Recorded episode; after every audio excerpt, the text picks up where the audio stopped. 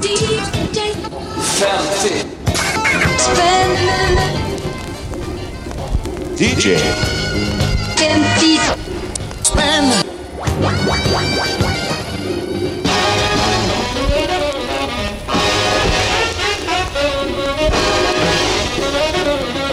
Jajamän, det är precis som den glada vignettmusiken förkunnar. Ett nytt avsnitt av DJ 50 spänn har kommit till jorden. Och just nu så gör miljontals nedladdningar så att fiberoptiska kablar glöder under jorden. Säger vi. Jag heter Tommy Jönsson, som vanligt. Och som vanligt så ska vi spela fem stycken dammiga vinylplattor till ett sammanlagt värde av högst 50 svenska kronor här idag. Och idag är skivorna köpta av Marcus Törnkrantz. Hej! Hej på Herrey. Det var en bra hälsning. Eh, Det var väldigt länge sedan jag tänkte på Erase faktiskt. Hur ofta tänker du på Erase? Eh, jag tror mig att jag kom på den här Hej på Herrey-hälsningen häromdagen. Men det är säkert någonting jag har plockat upp någonstans ifrån bara. Men jag, ty- jag tycker att den är väldigt rolig. Ja, jag blir lite glad av den, måste jag säga. Äntligen får vi spela in med dig här. Hur, hur är läget idag? Bara bra, tack. Eh, igår kväll dock så drack jag två stycken öl. Eh, och det känns i hela kroppen att jag var uppe sent. Fast jag var i säng innan klockan 12. Och det känns även på stämbanden, vilket eh, är jättekonstigt. Eh, jag är inte mig lik längre. Men jag gillar lite rasp på stämbanden. Det är bra. Ska vi prata lite grann om dig innan vi sätter igång och spela igenom dina fem skivor här som du har köpt? Vi kan prova. Vad ska, vad ska vi säga om dig? Alltså, hur ska vi sammanfatta Marcus Törnkrantz här? Ja, alltså jag har eh, jobbat aktivt med musik i 20 år som förläggare och eh, som manager och eh, även DJat eh, en del och uppträtt med en del artister och eh, har precis i dagarna startat ett nytt Skivbolag är ju fel ord och label är också fel ord. Men ett, ett nytt bolag som ska släppa åtta stycken sjutummare. Och labeln heter åtta sjuor.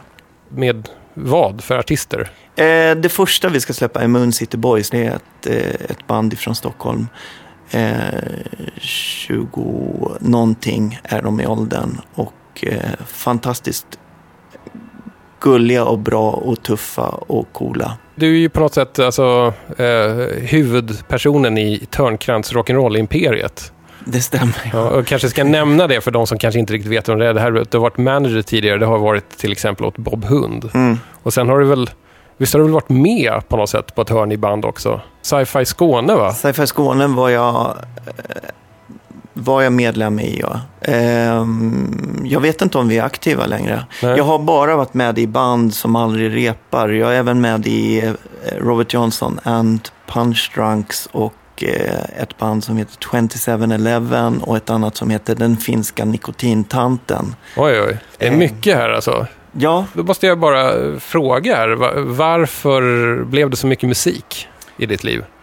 Mm, det är nog, eh, kommer nog sig av att jag fick en kassettbandspelare ganska tidigt som barn och satt och spelade in radioprogram. Och eh, jag märkte ganska tidigt att mina kompisar uppskattade att jag hade, hade de här banden och jag var lite katalognörd då. Och eh, kunde på inför mina klasskompisar på roliga timmen och allt vad man hade. Spela upp vad jag tyckte var den senaste musiken och jag fick mycket uppskattning för det här, eh, tidigt. Så det handlar väl om att egot blev tillfredsställd för att jag mm, bara råkade just då bry mig om någonting. Ehm, det hade kanske lika gärna kunnat varit att jag samlade bokmärken och hade den största bokmärkessamlingen i socken. Hur, hur ser ditt förhållande till eh, billig och begagnad vinyl ut? Jag kom in, hela det här att jag började köpa och rota i gamla, gamla backar började egentligen med hela den här easy listening-vågen då man faktiskt kunde hitta helt otroliga skivor även på UFF som det hette då och Myrorna.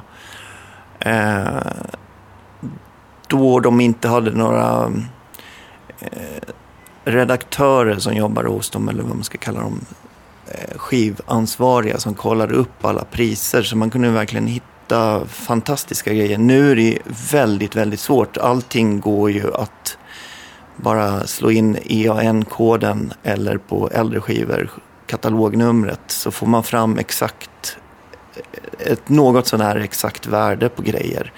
Och det har gjort att det ofta, i alla fall i Stockholm, speciellt i storstäderna, väldigt svårt att fynda, tycker jag, så här större fynd. Mm. Men det finns ju fortfarande massa så här grejer som eh, är helt oshazambara. som eh, inte ens eh, de riktiga musiknördarna bryr sig om. Antagligen för att det är fel genre. Jag gillar en del, viss del av den här, man skulle kunna kalla den Europa-diskon, Mallorca-diskon, liksom, som kom i andra hälften av 70-talet. Där finns det mycket så här, sådana som bara gav ut en singel. Och just då kanske på Kanarieöarna.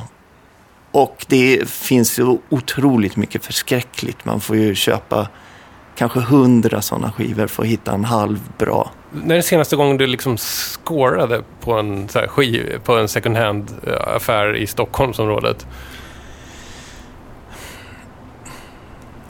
Jag tycker på sätt och vis att jag gör det varje gång jag är ute och handlar. Eh, men det det ganska tufft jobb. Och det är sällan, återigen, det är sällan man hittar någonting som är värdefullt för någon annan. Men det är sällan jag bryr mig om det. Jag köpte den här, den här svenska konstnären Ardy Ströyer heter han. Ardy Ströyer köpte jag på en loppis i Solna för fem spänn. Och hans singel sålde jag sen på Tradera för lite över tusen spänn. Det var det, fan. det var hyggligt. Jag, jag, jag vet inte ens, hur- gjorde han musik ens? Ja, han gjorde en singel som eh, är någon slags eh, äcklig progg, tycker jag. Eh, där han har målat ett, en kvinnas sköte på baksidan och signerat den. Och eh, sen är det, jag tror att det möjligtvis kan vara ja, hela det här humorgänget som är bakom singeln. Men det är, det är någon slags seriös jävla skittråkig progg som skivsamlare går igång på. Det, det här är alltså Ardy, Lasse Åbergs gamla polare. Exakt, och Lasse är väl med på något hörn också. Mm. Otroligt spexigt, men eh, det var väl ett litet fynd sådär eh, rent if- ifrån att det kunde betala lite av familjens semester som inte har rest på än här. Ja, du har ju alltså shoppat fem stycken gamla vinylskivor för 50 spänn här som uppdrag. Ehm, Ja, jag, jag var till och med så duktig så att det blev 30 spänn det gick till och med under budget. Ja, mycket bra. Så du, du ska få pengar tillbaka. Ja, nej det behöver du inte göra. Var, var köpte du skivorna? Jag köpte dem eh, på Delicious Goldfish i Solna av eh, Nicke Pack, som han kallas. Nicke Pack. Ja, han hade ett fanzine på, jag tror att det var i slutet av 70-talet, som hette Pack. Och sen så startade han L- 101. Och, men han har fått leva med det här Nicke Pack. I alla fall i min familj. All right. ja, det ska bli spännande. Jag tycker väl att vi drar igång här och börjar spela igenom din skivbunt. Och vad säger du om att vi börjar med... Chansningen.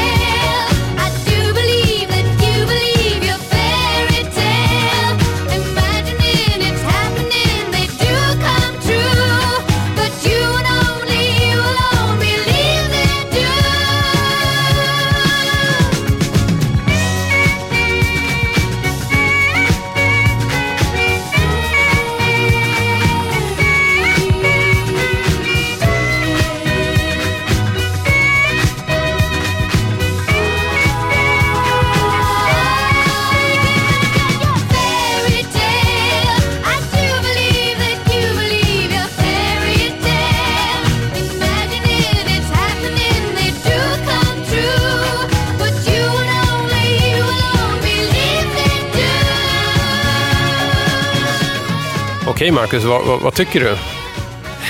Jag kommer inte behålla den här singeln. Om det finns någon där ute som gick igång på den där så får ni skriva det i kommentatorsfältet och eh, buda på den. Vi börjar auktionen på en krona. Ja. och sen går det neråt.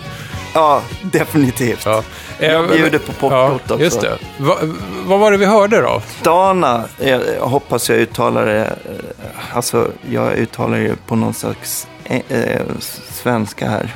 Dana förmodligen, i och med att hon är eh, från någon st- Storbritannien, tror jag. På ett bolag som jag inte kan läsa. GTO tror jag. GTO. Okej. Den här låten hette alltså Fairytale, kanske man hörde. Eh, varför chansade du på den här skivan? Ehm, väldigt mycket för att det var en artist som jag aldrig har hört talas om. Och ehm, jag fick någon slags förhoppning att det skulle vara någon slags deodorant eh, för 13-åriga tjejer. Som ehm, någon slags jingel tänk runt den, att man ska sälja deodoranter. Och jag tyckte det var lite så här ro, roligt att det skulle kunna finnas någonting eh, bra i det. Du, du hade egentligen hoppats att det skulle vara ännu mer liksom så här. Tramsigare. Men vet du någonting om den här Dana? Som du Nej. håller en singel av i handen nu? Jag skulle vilja höra någonting Ja, från dig. Ja, jag, jag var tvungen att, att kolla upp det här och det kändes ju som att, att, att jag högg i en guldåder på något sätt. För alltså, den här, hon heter på riktigt då, nu ska vi se här, Dana Rosemary Scallon. Hon är född i Storbritannien, i, i London någonstans. Men hennes familj flyttade tillbaka till Irland, där de ursprungligen kom från. Och eh, mellan 1999 och 2004 så satt Dana Rosemary Scallon i Europaparlamentet Oj, eh, i, i den kristdemokratiska gruppen. Hon, jag, jag har ju såklart hängt väldigt mycket på Danas webbsajt här idag. Och eh, där kan man köpa böneböcker för barn, religiös musik, eh, böcker om olika mirakel och sådär. Så, att, så hon, är, hon är ganska djupt nere i liksom den här katolska eh, geggan. okej. Men det är DJ 50 spänns första, vad jag vet, eh, Europaparlamentariker.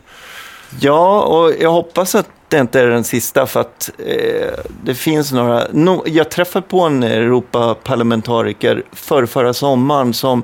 ehm, han hävdade det i alla fall. Han hade skägg och klänning och han såg ut som han hade fått stryk, men han var väldigt glad. Han, han var tysk och satt i den, miljö, i den gröna gruppen, Nej, han eller? var svensk faktiskt. Jaha, Men han såg väldigt glad ut. Eh, jag, jag, jag, vem är det här? jag har faktiskt ingen aning, men eh, om det finns någon som gillar att gå omkring i kvinnokläder så, eh, och hävdar att han eh, är i Europaparlamentet så eh, finns det väl risk att någon mer har träffat på honom någon gång. Mm, väldigt mystiskt. Jag vill tillbaka lite till, till Dana här. Det, det, det lät ju som att du inte var så superduper nöjd med, med din chansning här. Nej, jag tycker sången är för tråkig. Hon, hon liksom sjunger alldeles för vanligt. Hade hon viskat eller skrikit eller... eh, Men nu, nu liksom så här skriksjunger hon lite så här på ett väldigt tids, tidstypiskt eh, schablonmässigt sätt som någon som eh, vill vara med i Melodifestivalen. Och jag tycker det är otroligt bara så dussin produktion och eh, Vad, vad skulle du jämföra det här med, med så här samtida artister? Det är väl lite, hon kanske vill vara lite Olivia Neutron-bomb, som hon heter när Club eh, Ja. pratar. Men inte klarar det riktigt. Ehm, jag vet inte. Men du, du sa, sa i Melodifestivalen, hon har faktiskt vunnit Eurovision Song Contest ser. 1970. Det är inte så att jag vet det här, utan det här, det här är ju sånt som jag har googlat upp. Fram tills idag hade jag liksom aldrig någonsin heller hört talas om Med andra Dana. ord, vet du det? Ja, nu vet jag det. Man lär, man lär sig onyttiga saker varje dag. Ja, alltså jag önskar att jag hade någonting... eh, Liksom, men jag, jag är ganska tom inför den här skivan. Ja. Jag, liksom, jag, blir inte, jag blir inte upprörd. Jag blir bara lite besviken att den inte var bra. Mm. Vi behöver inte prata om den mer egentligen. Vi ska bara eh, hålla en sak i minnet här. Eh, producent för den här skivan är någon som tydligen het, kallar sig för Barry Blue. Vi går vidare. Skivbörsklassikern.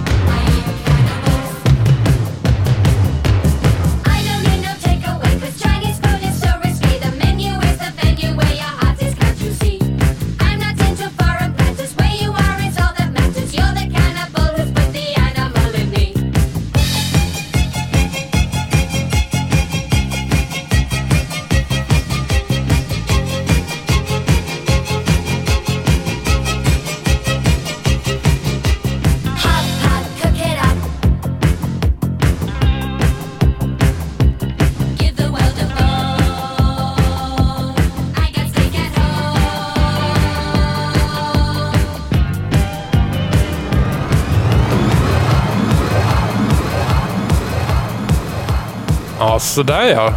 Äntligen lite 80-talsskarpa rouge-streck och tuperat hår. Det här var din skivbörsklassiker, Marcus. Vad var det vi hörde egentligen? Det var Toto Coelho med I Eat Cannibals. Ehm, och vi fick, jag tror vi fick höra dubben, alltså det som är på B-sidan här, Part 2 kanske. Och, Ja, den eh, kändes ju lite som att de kanske hade strippat bort lite av det så här, eh, radioplingeplånget på den kanske. Exakt. Och eh, jag var på, när jag, när jag började gräva i skivbackarna så såg jag sex ex av den här Oj, oj, oj. singeln. Och alla kostade fem kronor styck. Eh, och, ehm, Var så det, välälskade ex? Ja, de är lite så här... De, de känns som de är, spelar en, en hel del. Alla exen jag såg. Mm. Ser, här ser ju hyfsat fin ut.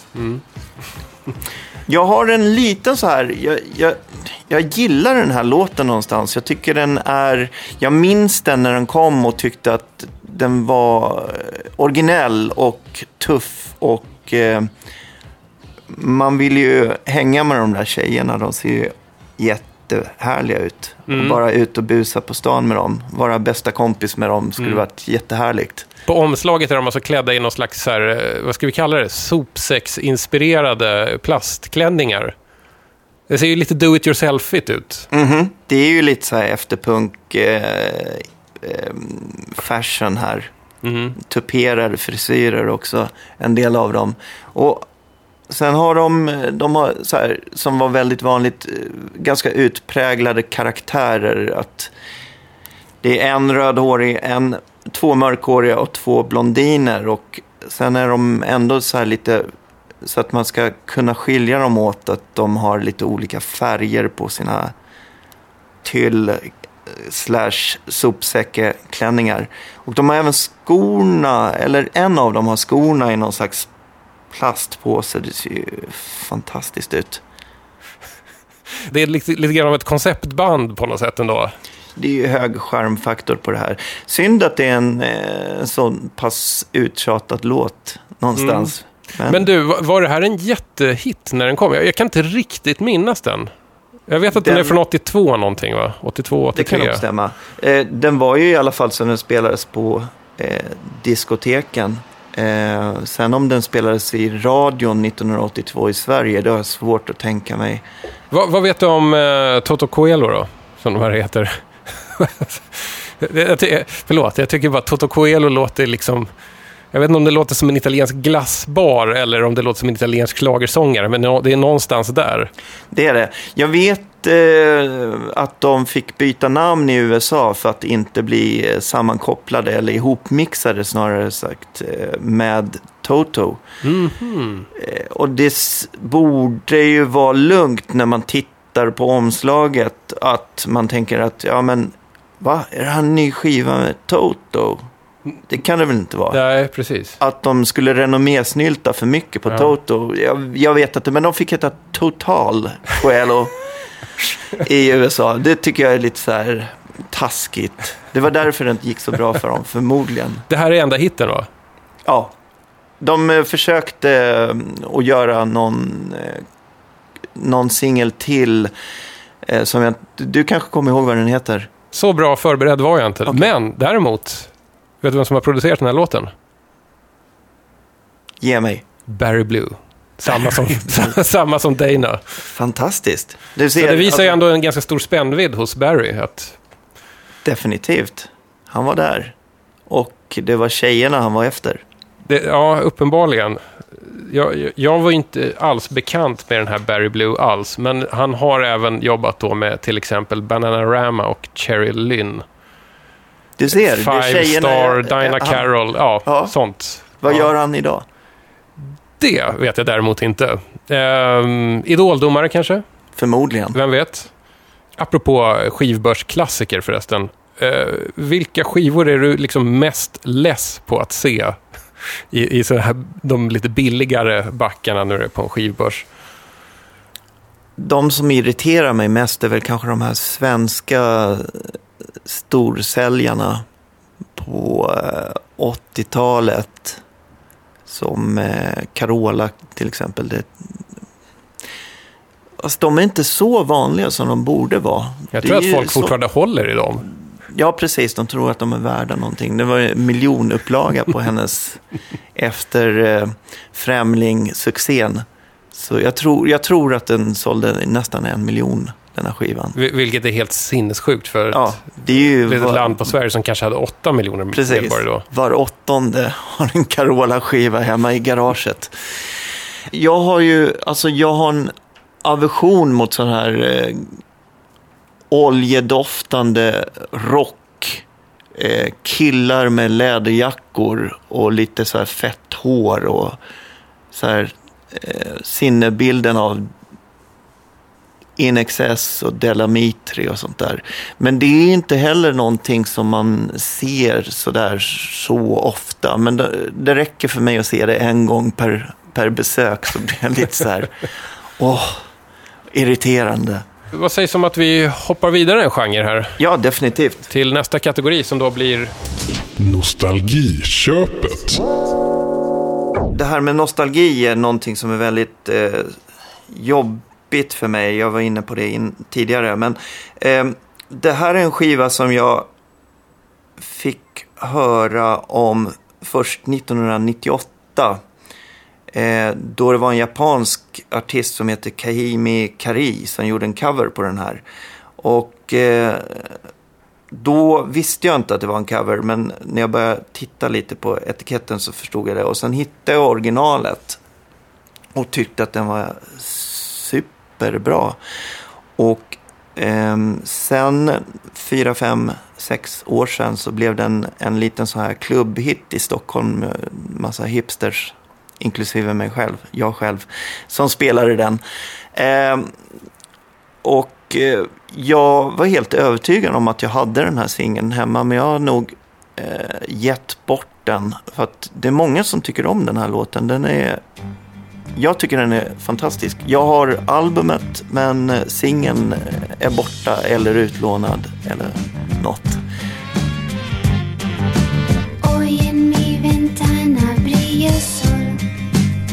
Y el corazón se pone triste contemplando la ciudad. ¿Por qué te vas? Como cada noche desperté pensando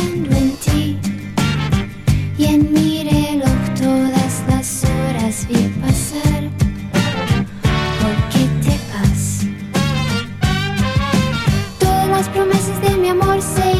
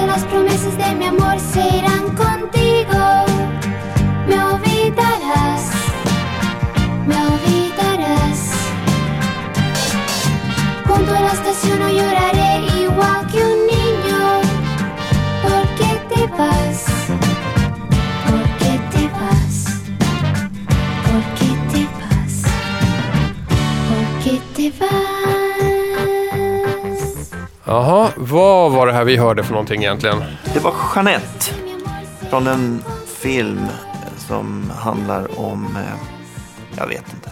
Nej. En, en sån här europeisk film som inte handlar om någonting. Förmodligen, det är någon slags kaja eller en skata i eh, silhuett här och sen har de klippt in eh, karaktärerna, två karaktärer från filmen, gissar jag.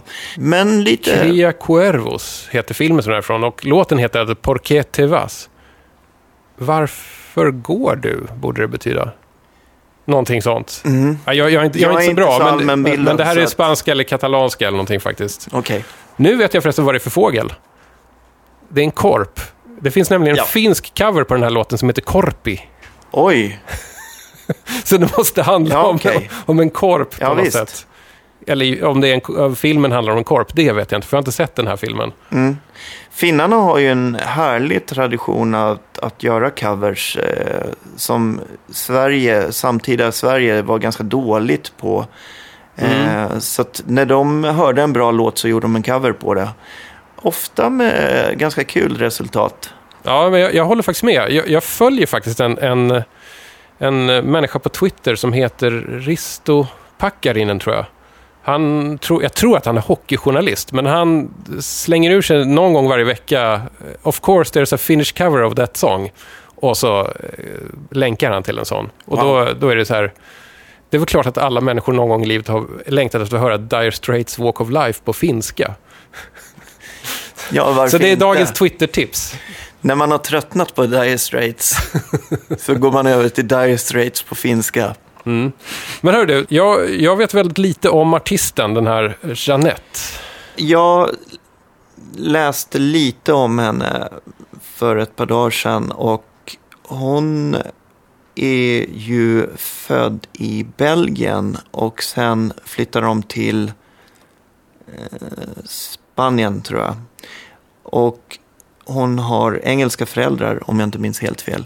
Så att hennes eh, riktiga språk är engelskan och sen pratar hon även katalanska och franska då. Och hon har gett ut singlar eh, och en del album under 70 och 80-talet. Eh, Och även varit med i Melodifestivalen om jag inte minns helt fel. Jaha. Det här är värsta Eurovision-programmet vi Ja, spelar in idag. Och jag har några singlar till där, där hon har anammat lite mer disco som är jättebra. Ja, ja, jag tänkte nästan det, för att i tid, i tid så verkar det här vara precis liksom när, när den här liksom europeiska grenen av disco började verkligen ta fart. Ja, visst. Du, du nämnde ju tidigare att, att du är svag för den här eh, liksom, europeiska, alltså vad ska vi kalla det, semesterdiskon Mm. eh, eller sådär. Mm. Eh, Varför det? Oj, det, men det har väl också med, det är väl någon slags omvänd snobbism, tror jag. Att det är liksom lite rockhistoriskt inkorrekt? Exakt, det finns ju ingen plats för den här musiken i de etablerade musikmedierna överhuvudtaget. Eh, och i rätt kontext så funkar eh, mycket av sån här musik jättebra tycker jag. Om det, om det inte bara tjatas ut en hel kväll så eh, tycker jag det funkar toppen. Nu drog du ju lite story om den här innan vi hörde att, att du har, eh, ja, hur, hur du hittade till den här låten och att den har haft någon slags liten revival Ja visst. fas. Varför få, alltså vad är det som gör att vissa låtar plockas upp och hamnar rätt i kontexten en gång till igen? Sådär? Har, du någon, har du någon bra teori? Jag tror att ehm, den sorgliga, det sorgligaste svar jag kan ge är att folk är så jävla nervösa. Så att om en DJ börjar spela en, en sån här gammal, relativt bortglömd, för just då i alla fall, bortglömd låt, så följer väldigt många med. Och den här eh, kan man hitta ganska billigt. Det är inte sånt eh, Northern Soul fynd direkt på något sätt. Utan den gjordes i väldigt stor upplaga och och fick bra spridning runt hela världen. Så att det har väl med, med någon slags nervositet att göra, eh, tror jag. Och sen att det är en väldigt bra låt. Alltså jag tycker fortfarande, jag, jag, jag blev glad att jag hittade den och att den kunde gå in under nostalgiköpet. Ja, men no- nostalgi måste ju inte vara någonting som kopplar tillbaka till man var fyra år gammal. Vad skönt. Anledningen till att, att nostalgiköpet är med i varje 50 spänn är också att jag, alltså, jag vill tvinga folk till att liksom plocka upp någonting sånt som de har en relation till tidigare. Kanske i och för sig gärna tillbaka till den tiden då innan man egentligen kanske hade hittat sin musikaliska nisch. Mm. Jag tycker att det är någonting intressant och, eh, som finns i det. Jag, jag själv är till exempel jävligt svag för Elvis, även om jag inte tycker att musiken är så bra. Men det är bara för att det är en av de första grejerna jag minns i livet, att han dog. Mm. Och att alla vuxna blev jätte, jätte, jätte, jätteledsna. Hur då- gammal var du då? Du, du kan ju inte ha varit Nej. mer än två, tre år. Tre, fyra tror jag Okej. var. Någonting sånt. Ja. Det, det bestående minnet är att liksom en dag så var helt plötsligt alla vuxna lite låga. Eh, Elvis är inte så stor för mig faktiskt. Jag har kanske två, tre singlar. Mm. Eh, Crayfish tycker jag är en fantastisk låt. Eh, Jailhouse Rock är ju jättebra såklart. Men eh, sen så gillar jag honom mer som ikon. Mm. Ja, men det är väl symbolen. Ja. Symbolen är ju större än artisten nästan. Verkligen. Ja, detta om eh, Jeanette och den här märkliga eh, korplåten som jag tänker kalla det nu. Eh, bara på grund av omslaget och den finska covern. Jag har två kategorier kvar och den näst sista är den fruktade. Random Access Vinyl. Fördelen med Delicious Goldfish i Solna är att han har otroligt mycket singlar. Och han har relativt väl sorterat. Så att han har kanske sju, åtta backar som står på golvet och de är röda. Och så står det tjejer. Och eh, jag gick bara in där och tänkte blindfolded i tjejbackarna eh, så kommer jag inte få någon så här trött Doors cover eller något sånt där. Utan jag kommer få någon som har någon slags utanförskap och chansen är stor att jag får någon som eh, fått ta i lite mer än de här vanliga gubbarna som gör musik. These things just happen. You say you what? You're tired? Got a headache? Hmm. Well, I guess so. All that drinking and dancing with what's her name? Right in my face. I guess it had to take something out of you. It hurt me so bad.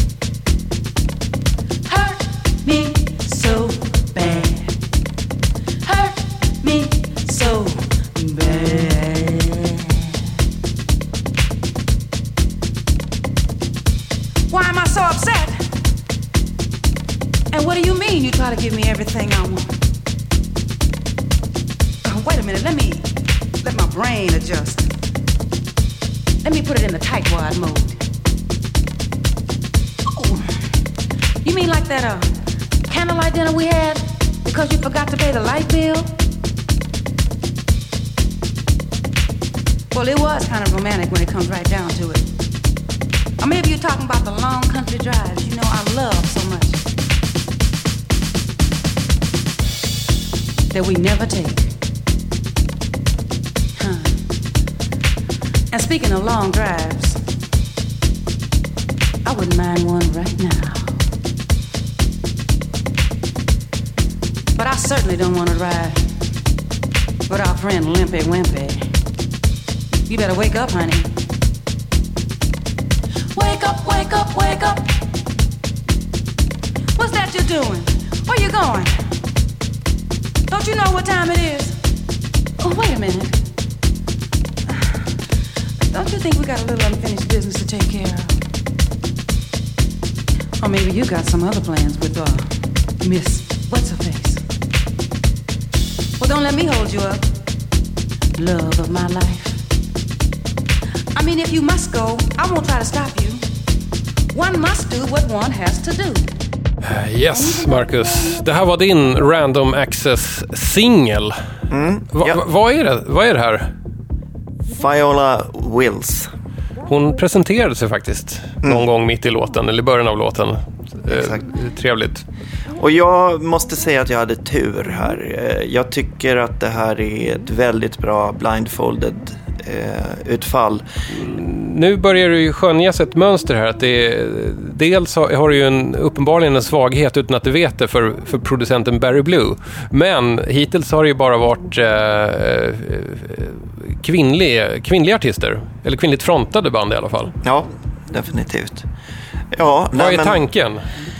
Alltså jag fortsatte i de backarna och eh, blev väldigt nöjd med det jag hittade. Alltså jag är lite trött på den manliga eh, rocken, den manliga liksom. Jag försöker hitta tjejer faktiskt. Jag tycker att det är intressantare just nu. Mm. både ur någon slags genusperspektiv utifrån hur, liksom, hur det ser ut i etern och liksom är väldigt PK att säga sådana här saker, men det får jag leva med. Ja, men det är lugnt. Du har ändå varit lite rockhistoriskt inkorrekt. Exakt. Jag tycker den här låten, för att återgå till den lite grann, då så Mm. kan jag prata lite om, om Just det. tjejspåret sen. Den här låten, jag, det är väl någon slags hip house, alltså mellan hiphopen och housen. Det tycker jag är en bra hybrid. Visst är den här från typ 88, 89 någonting sånt där va? Är den inte det? Var det inte någonstans där som Rebel MC och liknande dök upp helt plötsligt med det nya fräscha hiphouse-soundet? Mm. Det kan nog stämma, ja. Nej, jag är väldigt glad. Alltså den här skulle jag kunna tänka mig att kanske spela ute tills folk blir nervösa och tittar på en. Eh, undrar vad fan håller han på med? Varför spelar han så här Mm. sugig låt? Jag tycker den har någonting. Jag tycker hon har bra attityd. Hon är cool som fan när hon eh, rapsjunger och snackar. Vi lyssnade ju på, på dubben av den här som heter Dub Things Happen. Själva eh, huvudlåten heter These Things Happen va? Mm. Den var inte lika appellerande för mig. Ehm, jag, den var lite för ordinär. Den här var lite skruvad. Ehm, hände, hände lite mer grejer, lite mer oväntade grejer. Bla- Bland annat det här trummaskinsfillet som kommer där på slutet.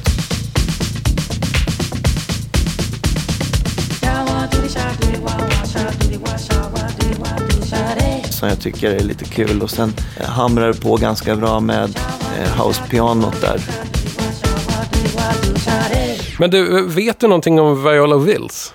Nej, teach me. Nej, jag vet faktiskt inte så mycket heller. Jag, alltså, hon, hon har tydligen, utan att jag har någon träffat på det tidigare, men hon har tydligen ett gediget discoförflutet i slutet på 70-talet, har jag lyckats läsa mig till. Med, med någon, någon hit och sen en del liksom lite mer så underground disco-grejer.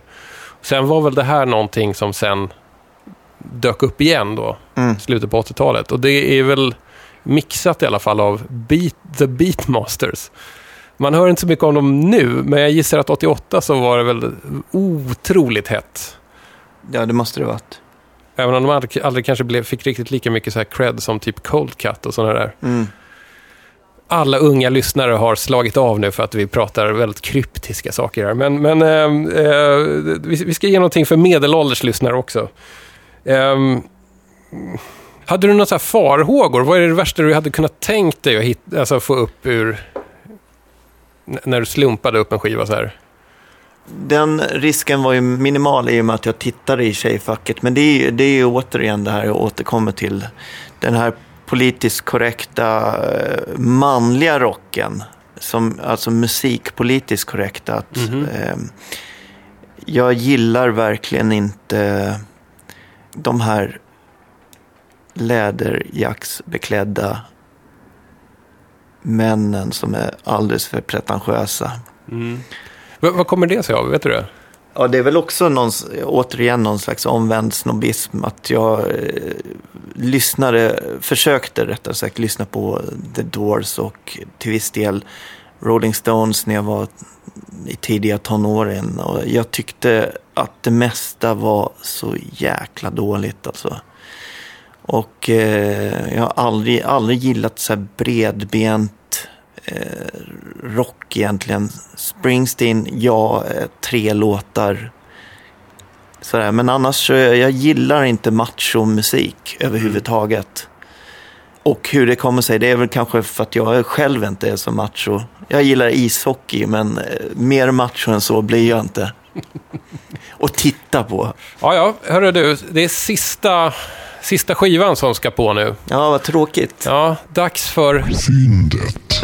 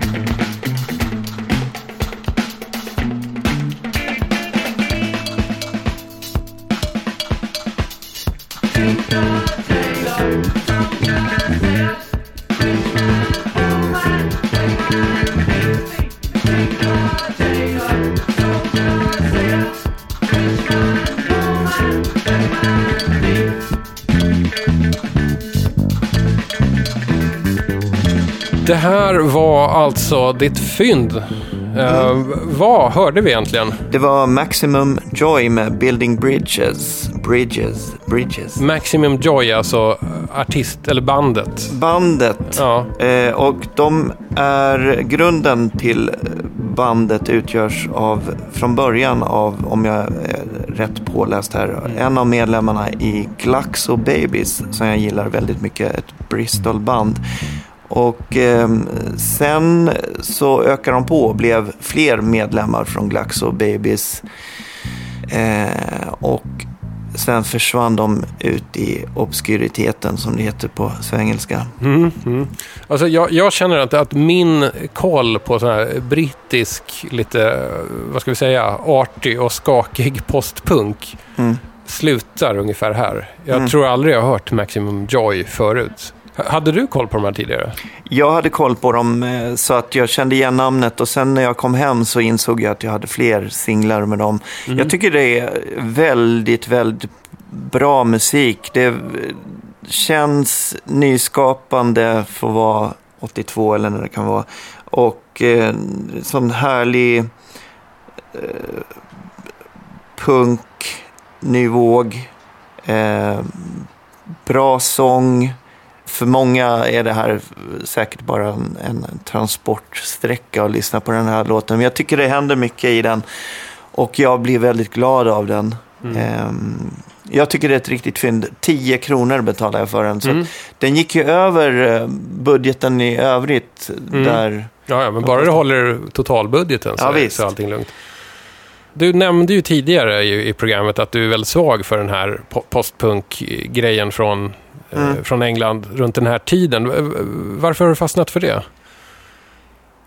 Förmodligen för att det är en era som jag missade när den var aktuell. Utan jag kom in, jag kom in där runt 85 kanske jag började lyssna på den eh, brittiska poppen med Smiths och eh, Jesus and Mary Chain och Everything But a Girl.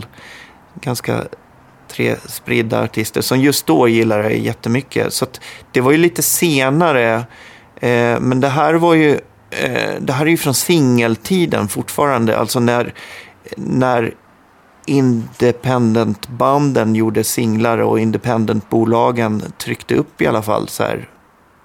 Den här finns eh, säkert tryckt i 5000 ex skulle Mm. inte förvåna mig. Eh, och sålde den runt om i hela världen. Skitkul era. Eh, mycket singlar som kom där som är jätte, jättebra. Eh, bolag som Pop, Aural och Postcard och Vad vad är det för bolag på den här singeln? mm, Y Records. Vem- Vad har de mer gett ut? Bokstaven Y Records alltså. Jag kan inte det här. Jag är mest lite förbluffad över att, att det här går att hitta för sådana små pengar. För att jag tänker att det här borde väl vara nästan någon, någon form av samlarvärde på. Men Sen är ju omslaget är lite så här, lite halvfult. Mm. Ehm, skulle den varit i mint condition, alltså helt som ospelad och otummade, kom ut så hade den kanske kostat en hundring, kan jag gissa. Jag, jag gillar det här jättemycket för att jag, jag, jag gillar när det är liksom lite, vad ska vi säga, när det är lite stökigt och att det finns den här dubbrymden någonstans i det. Mm. Men du, är den här Female Fronted förresten? Ja, Du höll temat Ja. programmet igenom. ja precis. Jag kommer inte ihåg vad sångerskan heter, men, ehm, och jag vet inte vart, vart hon tog vägen. Förhoppningsvis jobbar hon på Rough Trade Shop idag. Och säljer singlar och är trevlig mot kunderna. Mhm. Janine Rainforth heter hon. Yes. Men vad känner du liksom när du, när du lyssnar på den här? Jag känner att det kommer från en, en, en tid som jag väldigt mycket skulle vilja varit en del av. Jag skulle vilja varit kanske sex år äldre och varit på plats i den här eran. Just den här boken som heter Rip It Up and Start Again av Simon Reynolds. Just det. Jag skulle vilja ha sett alla de banden som eh, han skriver om. Och eh, Maximum Joy kanske till och med är med i den boken, det minns jag inte. Men jag, jag tycker det är en sån, eh, en sån kreativ, fin era. Men vad jag känner, alltså den är inte så himla dansvänlig eller, eller att man spelar den när man har fest hemma heller. Den är snarare sent på en, en klubb där man har lyckats stöka till det lite på, på kvällen och Mm. det bara kommer på musik Mm. som man gillar för att stämningen är, så, är sådan. Eh, inget jag skulle spela för min morsa, hon skulle tycka det här var vidrigt om vi hade middag hemma och hon sitter. Hon skulle kunna få höra typ alla de andra låtarna skulle hon Vilken tror du hon skulle gilla mest av dem? Eh, naturligtvis Jeanette. Ja, ja. Eh, det är jag ganska övertygad om. Hon skulle säkert säga, jo men den här hörde vi på Mallorca 1975. Kommer du? Jo. Hörru, vad nu, brukar... nu härmar ja. min mamma lite, så här, Ja. eh, lite, lite taskigt. S- Som är från... Du, ni är från Vi, Småland vi är från? Småland, ja. Ja. Jag gjorde mitt bästa, men... Småland är stort. Var i Småland? Tingsryd heter det. Ja. Eh, en liten, eh, man skulle kunna säga bruksort, men det finns inget bruk. Det finns ett hockeylag, det fanns ett bryggeri, eh, det finns en stor eh, fabrik som heter Hammarplast. När jag växte upp så var inte musiken i centrum. Det var inga band som kom till Tingsryd och spelade. På högstadiet, eller kanske när jag gick i sexan, så kom ett band och spelade i skolans aula. För de var kompisar med, med vår musiklärare. Och jag är ganska övertygad om att det var Nationalteatern och jag tyckte det var vidrigt. Redan då hatade du progg. Ja, jag tyckte det var äcklig musik. Och då är jag antagligen mer vänster än vad de är. Det- Men jag, jag, jag, ja. ty- jag tycker inte... Mus, mus, jag har svårt för musik med tydliga politiska budskap. Mm. Jag har svårt för musik med tydliga budskap överhuvudtaget. Sådär, get up and be happy, Mm. don't worry. Och så vidare. När det är för uppenbart vad låtarna handlar om. Då, jag, jag tycker att det ska finnas en lite större intrig och lite större plats för fantasi i, i, i, i lyssnaren och även avsändaren Mm. än, än så. Du, du, du vill gärna tänka själv. Precis, få egna bilder och sen om, om jag är helt ute och cyklar, det bryr mig inte det minsta faktiskt. Hör du, jag tänkte fråga faktiskt, när du spelar skivor ute. Mm. Eller jag vet inte, spelar du skivor ute eller spelar du filer ute? Jag spelar skivor, vinylskivor. Eh, jag har, ibland har jag lite CD-skivor med mig, men de gör jag bara ljudeffekter med. Eh, som ha, att ha som en brygga mellan låtar där det inte beatmixas. Jag är inte så intresserad av beatmixa överlag, eh, för att jag tycker det styr låtvalen för mycket. Men eh, när det är för, eh, för udda eh, genre och tempo och mod eh, övergångar som jag tycker det ska vara en DJ-kväll. Personligen tycker jag det. Så är det väldigt bra med jinglar och ljudeffekter och eh, sådant för att hålla igång det. Mm. Jag har, jag har en, eh, en, en favorit. Det är Magnus Carlsson i Weeping Willows gjorde en, en skiva typ kanske 1990. Där han presenterar att restaurang Spisen på Bondegatan ska öppna. Eh, så på ena sidan så sitter han och pratar om att man kan komma och lyssna på honom och DJa. Och på andra sidan så är det Weeping Willows. Det kan vara kanske lite senare än 90. Men i alla fall, där säger han Hej, jag heter Magnus Karlsson. Och det där har jag loopat till förbannelse. Så att stackars Magnus Karlsson är så trött på mig. Så han har slutat att komma när jag DJar. Men när han kommer så ska han få höra det igen. Nu eh, har det faktiskt kommit till slutstationen i DJ 50 spänn. Hjälp. Ja, Jag exakt. bävar för den här. Ja, jag förstår för att, det. För att jag har förstått att du, att du lägger ner ganska, en del tid på det här. Och att du försöker tänka på vem är personen jag ska träffa Ja. och hur, hur, vilken låt passar in bäst på den här personen. Det var inte helt lätt att eh, plocka rätt låt till dig här. Det, det beror i och för sig också lite på eh, att James Last inte har spelat in så mycket eh, brittisk postpunk från 78 till 82 covers. Vad jag vet. Eh, eller vad jag, Jag, hittat jag skulle inte vilja höra It's kind of funny med James Last. Eller Ja, She's ja. lost control. Däremot Swan Song, Peel, det skulle vara, Ja. eller Albatross.